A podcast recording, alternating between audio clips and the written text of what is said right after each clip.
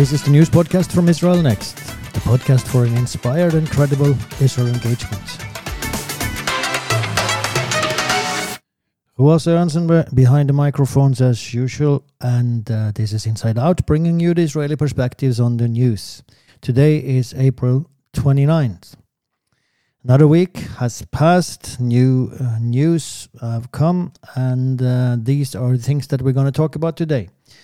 So, um, Israel, uh, we're going to talk about the Israeli calendar, and uh, Israel uh, exists or is now in a special period between commemoration days for its fallen, the Holocaust and its fallen soldiers and terror victims. And there are also other events taking place. So we will uh, talk about those and and uh, the dis- discourse that takes place in Israel surrounding this uh, very specific time or very moving time period. We'll also talk about uh, what takes place on the Temple Mount and has been taking place almost uh, on a regular basis the last month because it has been Ramadan. Uh, then we'll come to uh, Netflix director Hala Gabriel, talk about her um, tweets or her posts on social media, and also uh, something about Netflix and the direction that Netflix Netflix is going. Um, we'll talk about the Israeli police that now investigates uh, threats that have come against the prime minister, death threats. And in the weekly Torah portion, we uh, will talk about the ability to say, I have sinned. So let's go to uh, the calendar issues. So Israel is right now in this period. Every year, of course, it comes uh, between the two big commemoration days, memorial days for Holocaust survivors, and then uh, fallen soldiers and terror victims.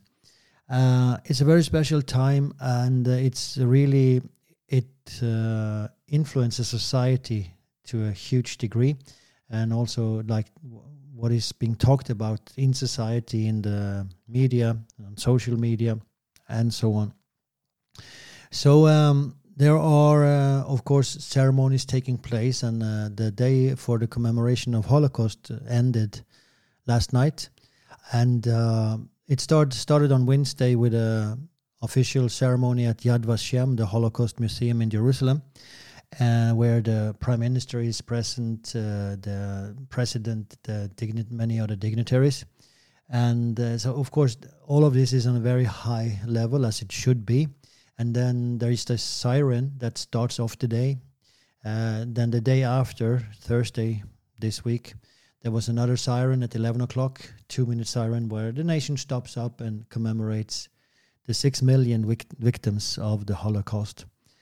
Um, then, uh, in addition to these ceremonies, and, and then there will come more on uh, Tuesday evening, when the day for the commemoration of the soldiers and terror victims will start. New sirens will uh, be sounded, and the nation will come to a stop again, and uh, new ceremonies will be held. This year, uh, I think the number is 24,068 uh, persons that are commemorated that have fallen, soldiers or terror victims. Um, then, in this period between those two commemoration days, there are attempts to connect them. And uh, it's not very hard to connect them because some of the survivors from the Holocaust they made Aliyah. They came to Israel. Uh, for a while, they were displaced persons and they were interred in interned in camps in Europe. Uh, but some of them managed to come to Israel. Some of them it took a few years, uh, and some of them came uh, just in time for the War of Independence in Israel, 1948. Uh, so, uh, so some of them would come, uh, arrive at the harbors, and would be given a gun and sent to the front. Um, so what one of the tours uh, a tour guide is doing that he is organizing tours that take people to a forest not far from Latrun, not so very far from the airport, Ben Gurion Airport, uh, that has been uh, dedicated to commemorate Holocaust survivors that died uh, during the War of Independence, but that also were the last one of their family, the last remnant. There is an expression in Hebrew that is called uh, Netzer Acharon, uh, last of kin. And uh, so uh, then this uh, guide is, is taking people there and to see uh, and talk about these people that came and with them their entire family ceased to exist.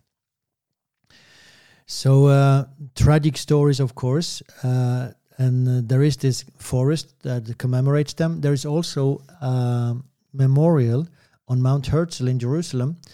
Uh, it's uh, re- pretty recent, from 2004, and it's uh, an artist's work with a house a small house that is turned upside down and where there is no bottom. The bottom has fallen out. And that kind of represents this family, the, the last of kin that died, and the, the, the house of that family was overturned. It no longer exists. So uh, there are these uh, strong uh, images and ways that Israelis commemorate what has happened. It's it's really huge in Israel to commemorate uh, the dead, also both of the Holocaust and also of the the wars and the terror. And uh, it's also very um, encouraging this year to see that uh, Israeli Arabs not huge numbers, but but certain groups of Israeli Arabs also have started to interest and get interested in uh, the Holocaust and what happened to the Jews during that period.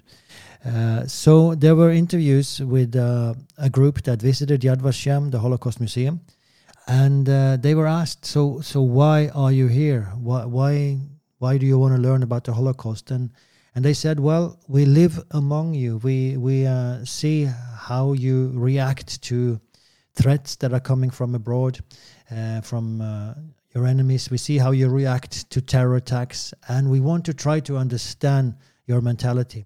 We see your insistence on this mm, has to be a Jewish state, and uh, this is our attempt to try to understand your mentality. And you could see how uh, how many of them were really touched. They had a good guide, and they also met with a survivor from the Holocaust who told his story. And you can see them uh, really, really being touched and tears coming down their cheeks. Uh, so uh, it was uh, really encouraging to see, and you can only hope and pray that the, the numbers of Arabs that will do this journey, that dare to take that journey, will will increase. Um, there was also another group that went uh, on the March of the Living, which is a phenomenon that takes place also uh, every year in connection to this Memorial Day, where Israeli students, uh, high school students, they travel to Poland, and they visit the different death camps and especially Auschwitz. Uh, not just high school students, also some other groups, um, soldiers, and so on. And this time there was also uh, a group of Israeli Arabs that joined them, and um, you can see uh, they were dressed in blue jackets, so yeah, they you, they you really identify them very easily, and uh, they they went there and they were interviewed as well. And they they had the same like arguments. We we want to try to understand um, why uh, the jewish mentality is the way it is um, and they had no problems also wrapping themselves in the israeli flag with the star of david uh, and taking a picture with this uh, huge flag in between them so um, and I say we are Israelis. We we live in Israel. We are citizens, uh, and we want to be a part of what goes on. So uh, I just thought this was very encouraging to see, uh, and let us pray that it will um, increase this phenomenon. Then there are these deep discussions taking place, uh, also like in radio interviews and talks uh, about the Holocaust and the existence of evil. And this eternal question where was God during the Holocaust? Uh, and why does bad things happen to good people? Uh, how can can it be that there is righteous pe- people that are that have a bad time, like tzaddik veralo? is the, the expression in Hebrew. He's a righteous, but uh, he's miserable. Uh, so why is this like that? And uh, of course, th- these are deep discussions, and there are of course no clear-cut answer. There are many answers. There are there are many attempts at answering this, but you nobody has like a perfect answer. But there are thoughts, and I'm just going to share a couple of them. So one uh, rabbi under the Holocaust, uh, he um, he started out uh, when when all this took place around him, and uh, he started out comforting his uh, Jewish uh, friends and and his his kehila, this society that he ministered to.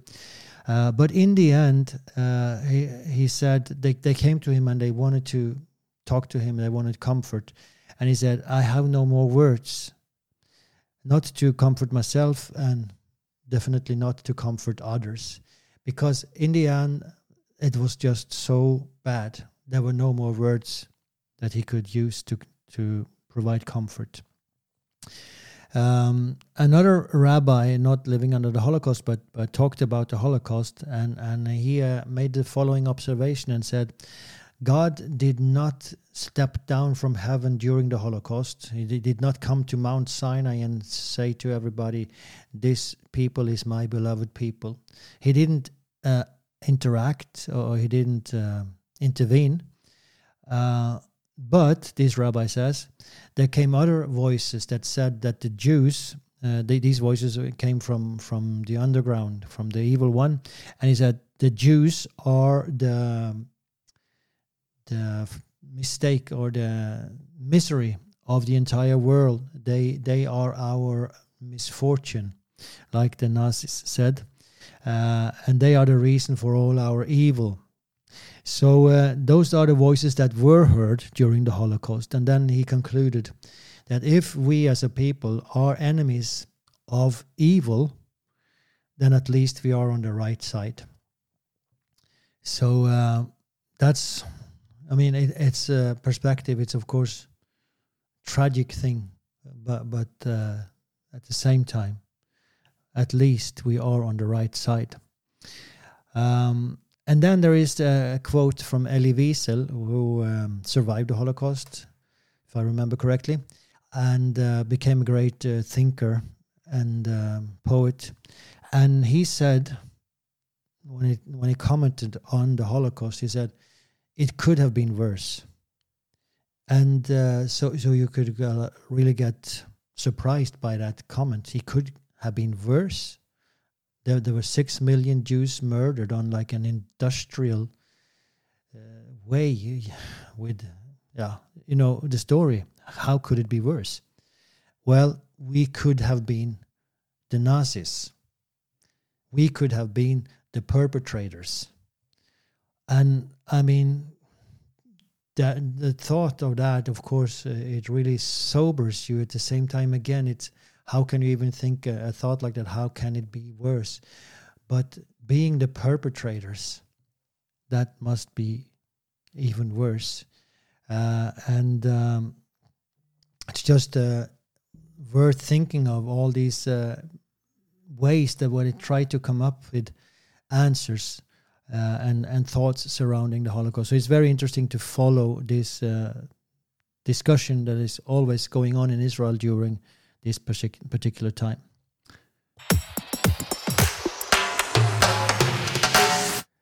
We'll uh, go make an abrupt transition here to uh, what takes place today uh, and uh, the Muslim riots on the Temple Mount, which has become almost routine this this Ramadan. Uh, today is the last Friday of Ramadan, and so hopefully it will start to calm down. The, it was Layl al Qadr yesterday, uh, tens of thousands of uh, Muslims were on the Temple Mount uh, marking this day, which, according to Muslim tradition, is the day when the Quran was given to Muhammad, or at least the beginning of that. Uh, and according to Muslim tradition, again, this is a day of uh, well, it's of huge blessing. Uh, you can be forgiven, um, if, and the destiny for Muslims for the next year it uh, is kind of decided during this Layl al Qadr. So uh, it's a very like uh, symbolic uh, event in Islam. Uh, today, as I said, last Friday of Ramadan, uh, which also means the Al Quds Day, which it's called in Arabic, Al Quds uh, being the name of Jerusalem. and this is something that the, the Iranian regime has forwarded and promoted for many years now as a hate feast against Israel. They use this day to really attack Israel, coming with vicious attacks and claims um, and uh, encouragement to terror, encouragement to destroy the Zionist entity, which they call it. So uh, again, a potential for for unrest, and and there has already been unrest this morning on the Temple Mount. Uh, the Israeli security forces are uh, called up also, because uh, this is not the end, there will be more days. The, the like the Eid al Fitr is also a potential day of tension, which comes up on Tuesday. So uh, the coming week as well. Uh, then there is, of course, the Independent Memorial Day first for Israel on uh, Tuesday, Wednesday, and uh, the Independence Day on Wednesday, Thursday. Now, when it comes to these riots on the Temple Mount, these have been very much encouraged by Hamas. Uh, Hamas, this terror organization with its main base in Gaza, uh, are encouraging Muslims in Jerusalem and in Judea and Samaria to uh, perform terror attacks, to riot, uh, and they're really trying to stir up uh, the situation in Judea and Samaria. Everywhere else than in Gaza, they're trying to keep Gaza calm and uh, perform terror other places. Uh, so uh, these last few days, we have seen a lot of Hamas flags on the Temple Mount among those protesters or, or violent demonstrators up there. So uh, that, is, of course, is problematic uh, since Hamas' agenda is to destroy Israel. While this is happening, Jordan is also pushing Israel, and Jordan, as you might know, is the the Muslim nation that is responsible for taking care of the, the Muslim interests on the Temple Mount. Going back to when they had uh, control uh, of East Jerusalem, they uh, occupied East Jerusalem illegally uh, between 1948 and 1967. So uh, since then, they have been given this special task of, of maintaining or securing the Muslim interests on the Temple Mount. So uh, now they have started to um, demand more uh, demand more from Israel and demand concessions from Israel so that they will have more they are demanding that Waqf will have more staff on the Temple Mount. Waqf is the, the Muslim authority that is responsible for the daily running of the place.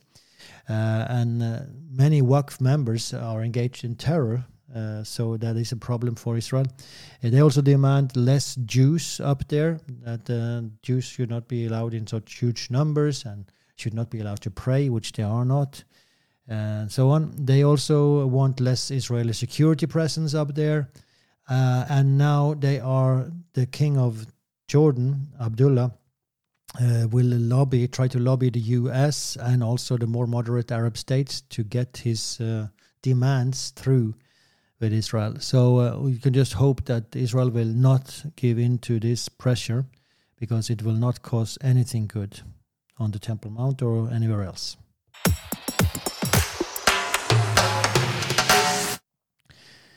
That takes us to uh, another aspect of this conflict uh, having to do with Hala Gabriel.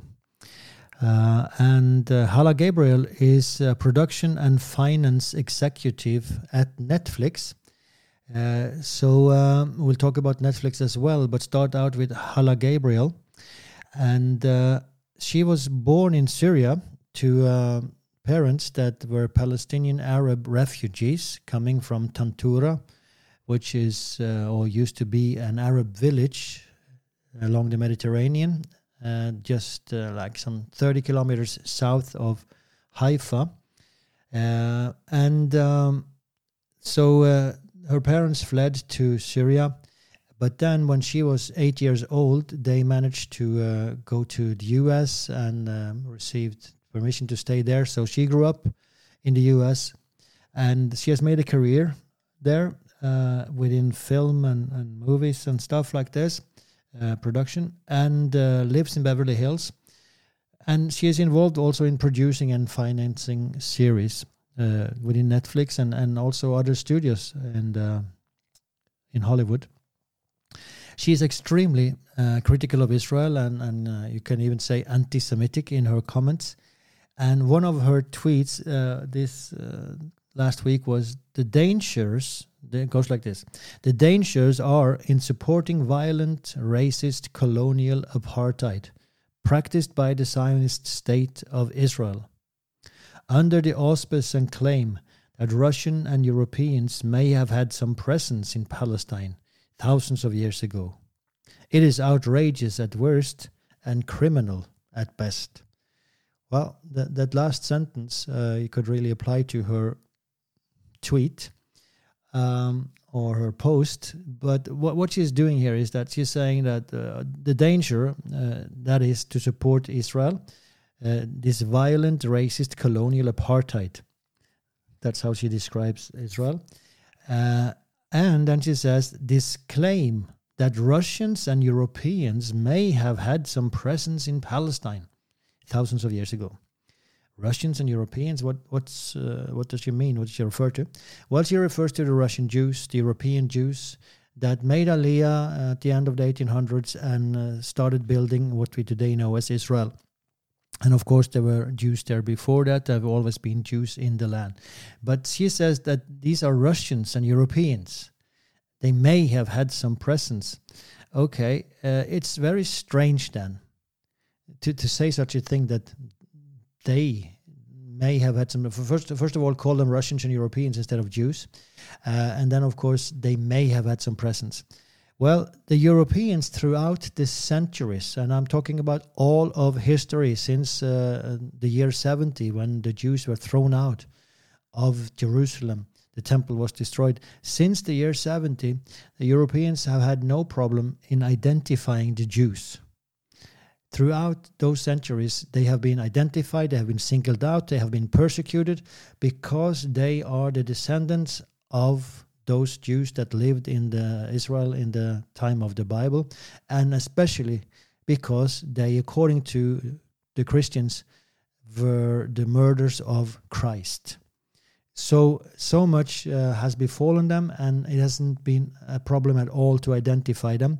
And that has been taking place um, I mean, this persecution in the name of Christianity uh, taken place. Uh, well, 1492, what was the they were thrown out of Spain. Then the 1500s, 1600s. So all the way until the modern era. It's just when we come into 1700s and onwards, uh, it changes a little and becomes more, so to say, scientific. It's not really scientific, pseudoscientific. But anyway, the hatred has continued, and still today, uh, Europe uh, has no problem identifying its Jews if they want. So um, th- there's no doubt that these, what she calls Europeans and Russians, have a connection. Um, then she also uh, administers another account uh, on on social media, uh, the Tantura account to commemorate this Arab village where her parents came from. And um, some time ago, she published a map of Palestine there, uh, where it says Map of Palestine published in National Geographic in 1947. And on this map, you see Palestine written all over what we today call Israel, uh, including uh, Judea and Samaria. So and this is National Geographic. And so the what she's saying and trying to say is that you see here there was a historic Palestine, and Israel has taken the place of Palestine.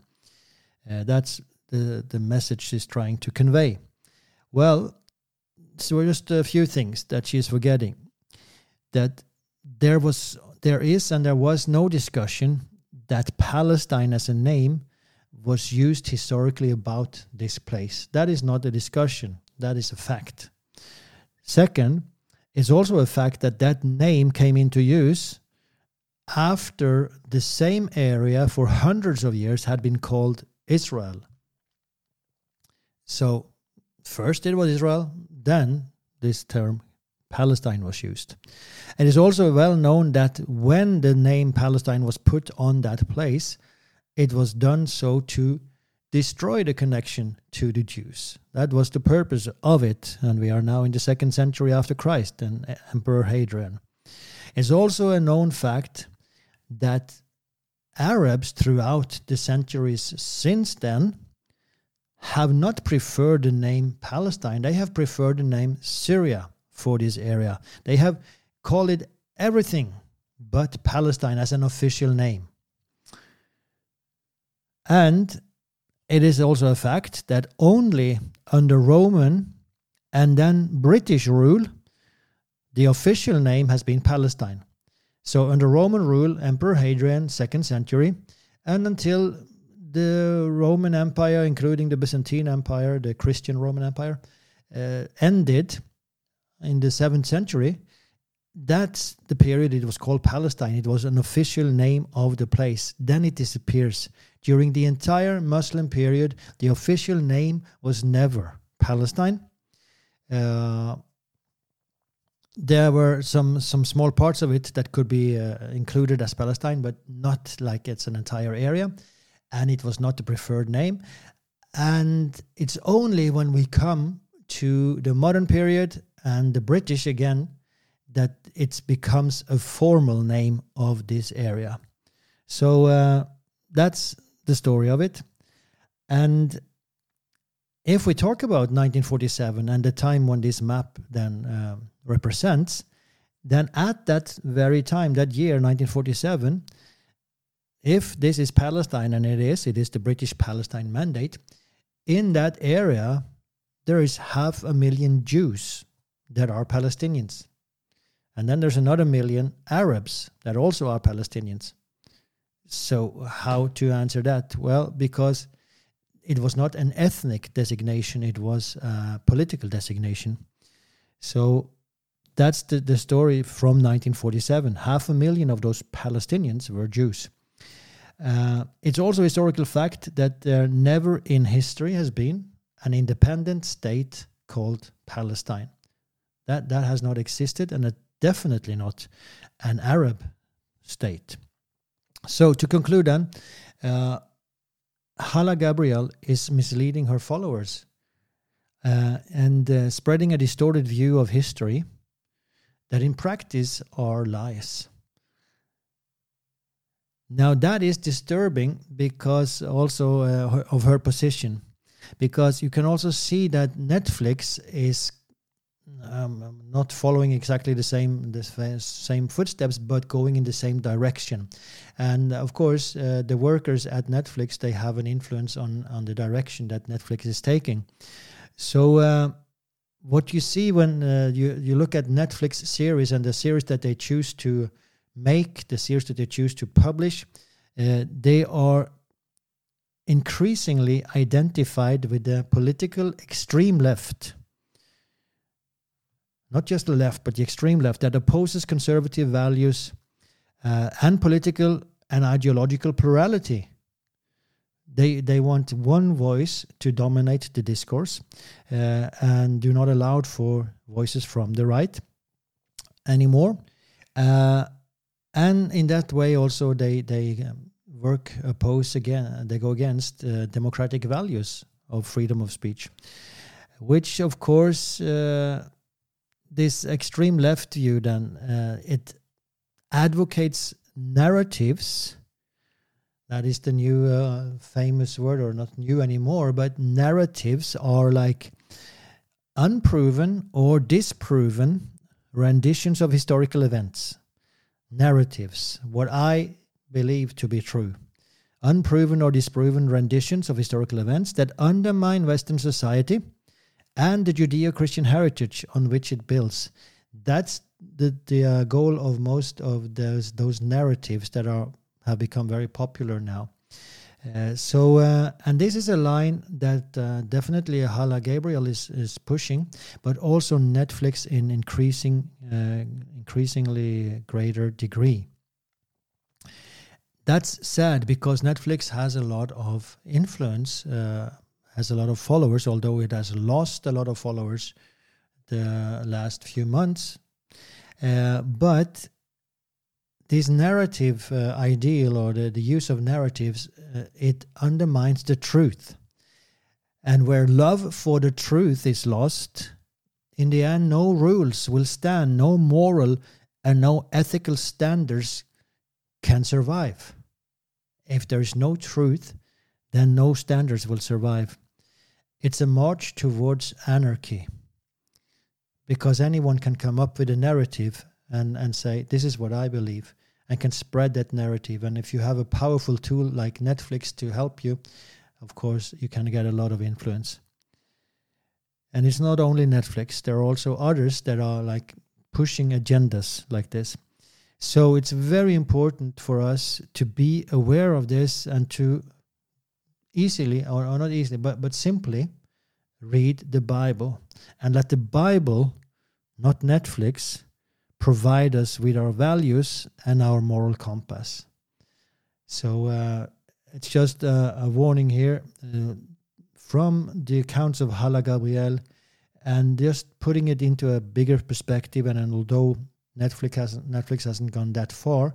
Uh, the trend is disturbing, and we have to make sure that we let this, the our morals, uh, our ethics, our moral compass come from the biblical texts and not from Netflix.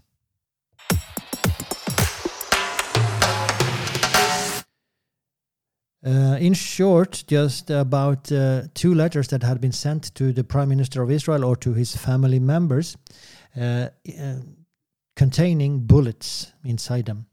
And one of them was addressed to his wife and one to his son. And of course, these are disturbing things and they are concrete uh, threats of death. Uh, and has been taken seriously by the Israeli police in, intelligence and so they're trying to to solve this. Uh, and of course, it has led to condemnation from all sides of the political spectrum, from right to left.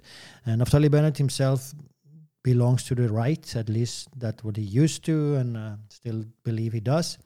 But many of his critics believe he has gone to the left, and that's uh, maybe part of the reason for these bullets. Uh, that they feel that he has betrayed them.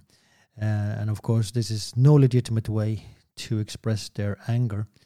Uh, but uh, as I said, it has been condemned by by also the right, and which it of course should be. But some of those uh, politicians and uh, analysts on the right also made an addition that was completely unnecessary, and they said, "Well, the timing of this information was peculiar because uh, Bennett is experiencing one of his most po- uh, most difficult political crises right now, and this kind of takes attention away from that. Uh, so hinting that even the police was part of a conspiracy to publish this, and that's just completely unnecessary, and it's undermining uh, the, the entire struggle against such expressions. So we really hope that uh, that that will not continue and those kind of statements will not come anymore.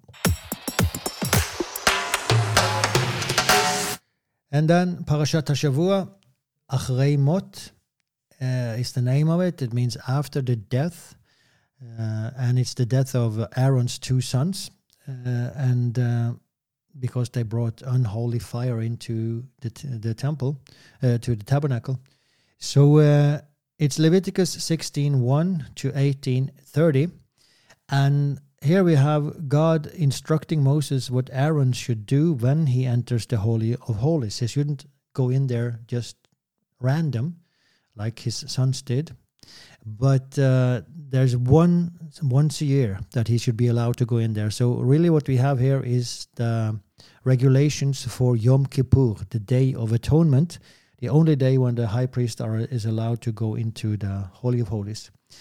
Then, so we have those regulations, and then we have God forbidding sacrifices to idols, and also speaking of the sanctity of the blood, and forbids eating it. Then we have um, laws against all kinds of sexual immorality and forbidden sexual relations. And that's basically what this parasha is about, this portion. A couple of comments here uh, from, from commentators. And one of them speaks about the courage to say, I sinned. And so he points out that uh, before uh, Aaron can sacrifice the, the sacrifices for the people of Israel, he has to sacrifice for himself. Uh, Aaron, the high priest, the highest religious leader in the nation, uh, he had to admit that I have sinned and I need this uh, sacrifice for myself before I can sacrifice for you. And and you know he could have protested and said, but but I am like the the highest leader. I cannot be seen as weak, and and I'm a role model, and so on. Uh, and that's exactly why God wants him to be the first to sacrifice, to confess his own sins. Uh, and then this commentator says that Judaism helps us admit our mistakes, our sins, in three different ways. Uh, and one of them, the first is that we know that God forgives. When we confess our sins, the, we know that we will be forgiven. And, and that confidence encourages confession of sins.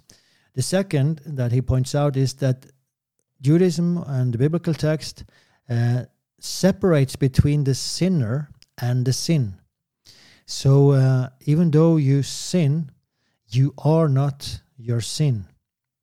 Uh, so uh, that that's a very comforting thing, and it makes you able to retain faith in the sinner. Whether that be somebody else, would be yourself.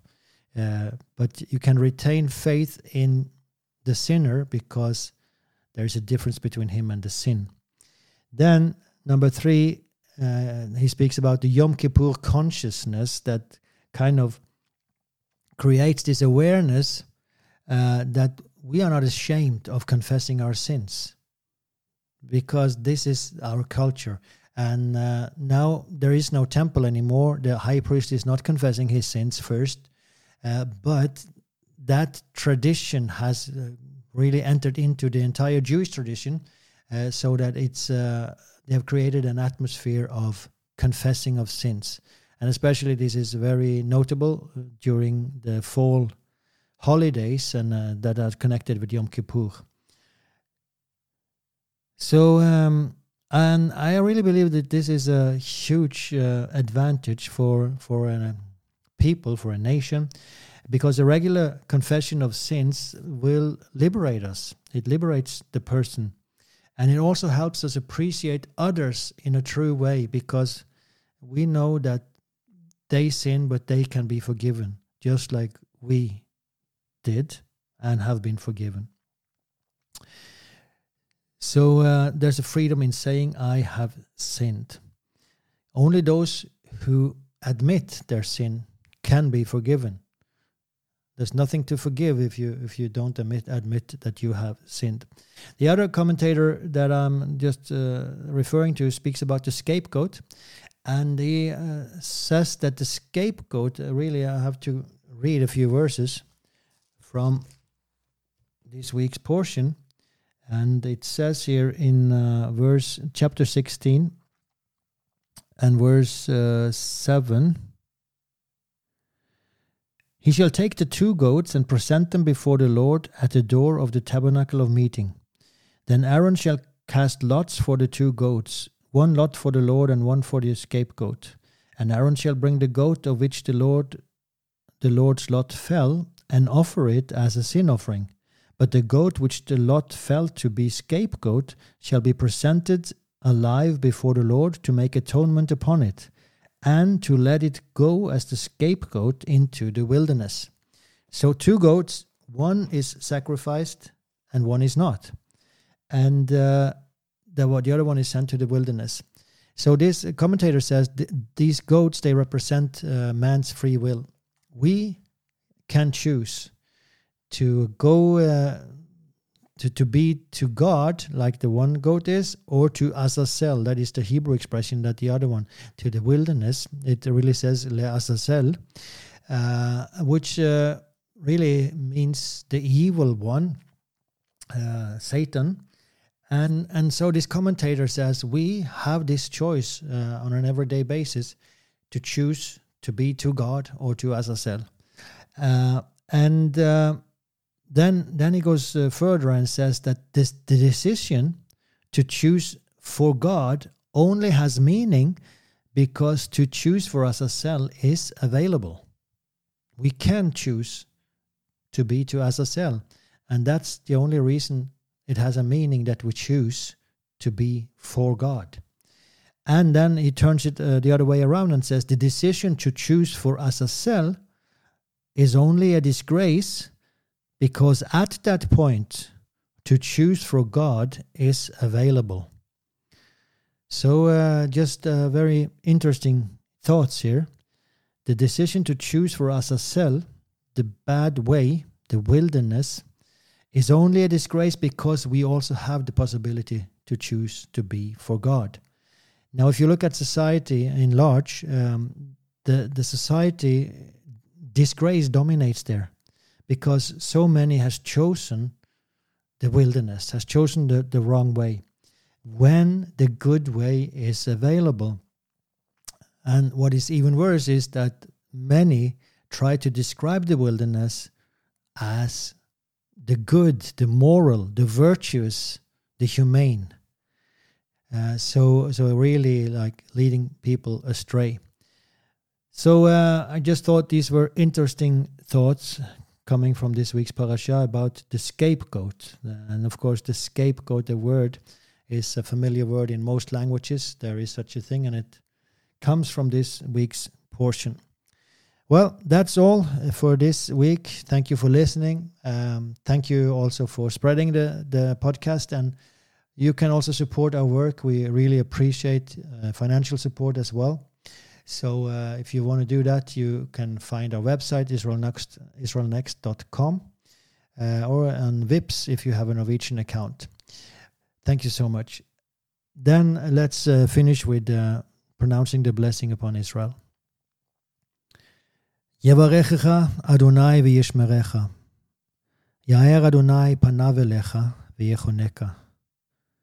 יישא Adonai panav אליך v'yasem lecha shalom. Amen. Thank you so much. Until next time, say something good about Israel.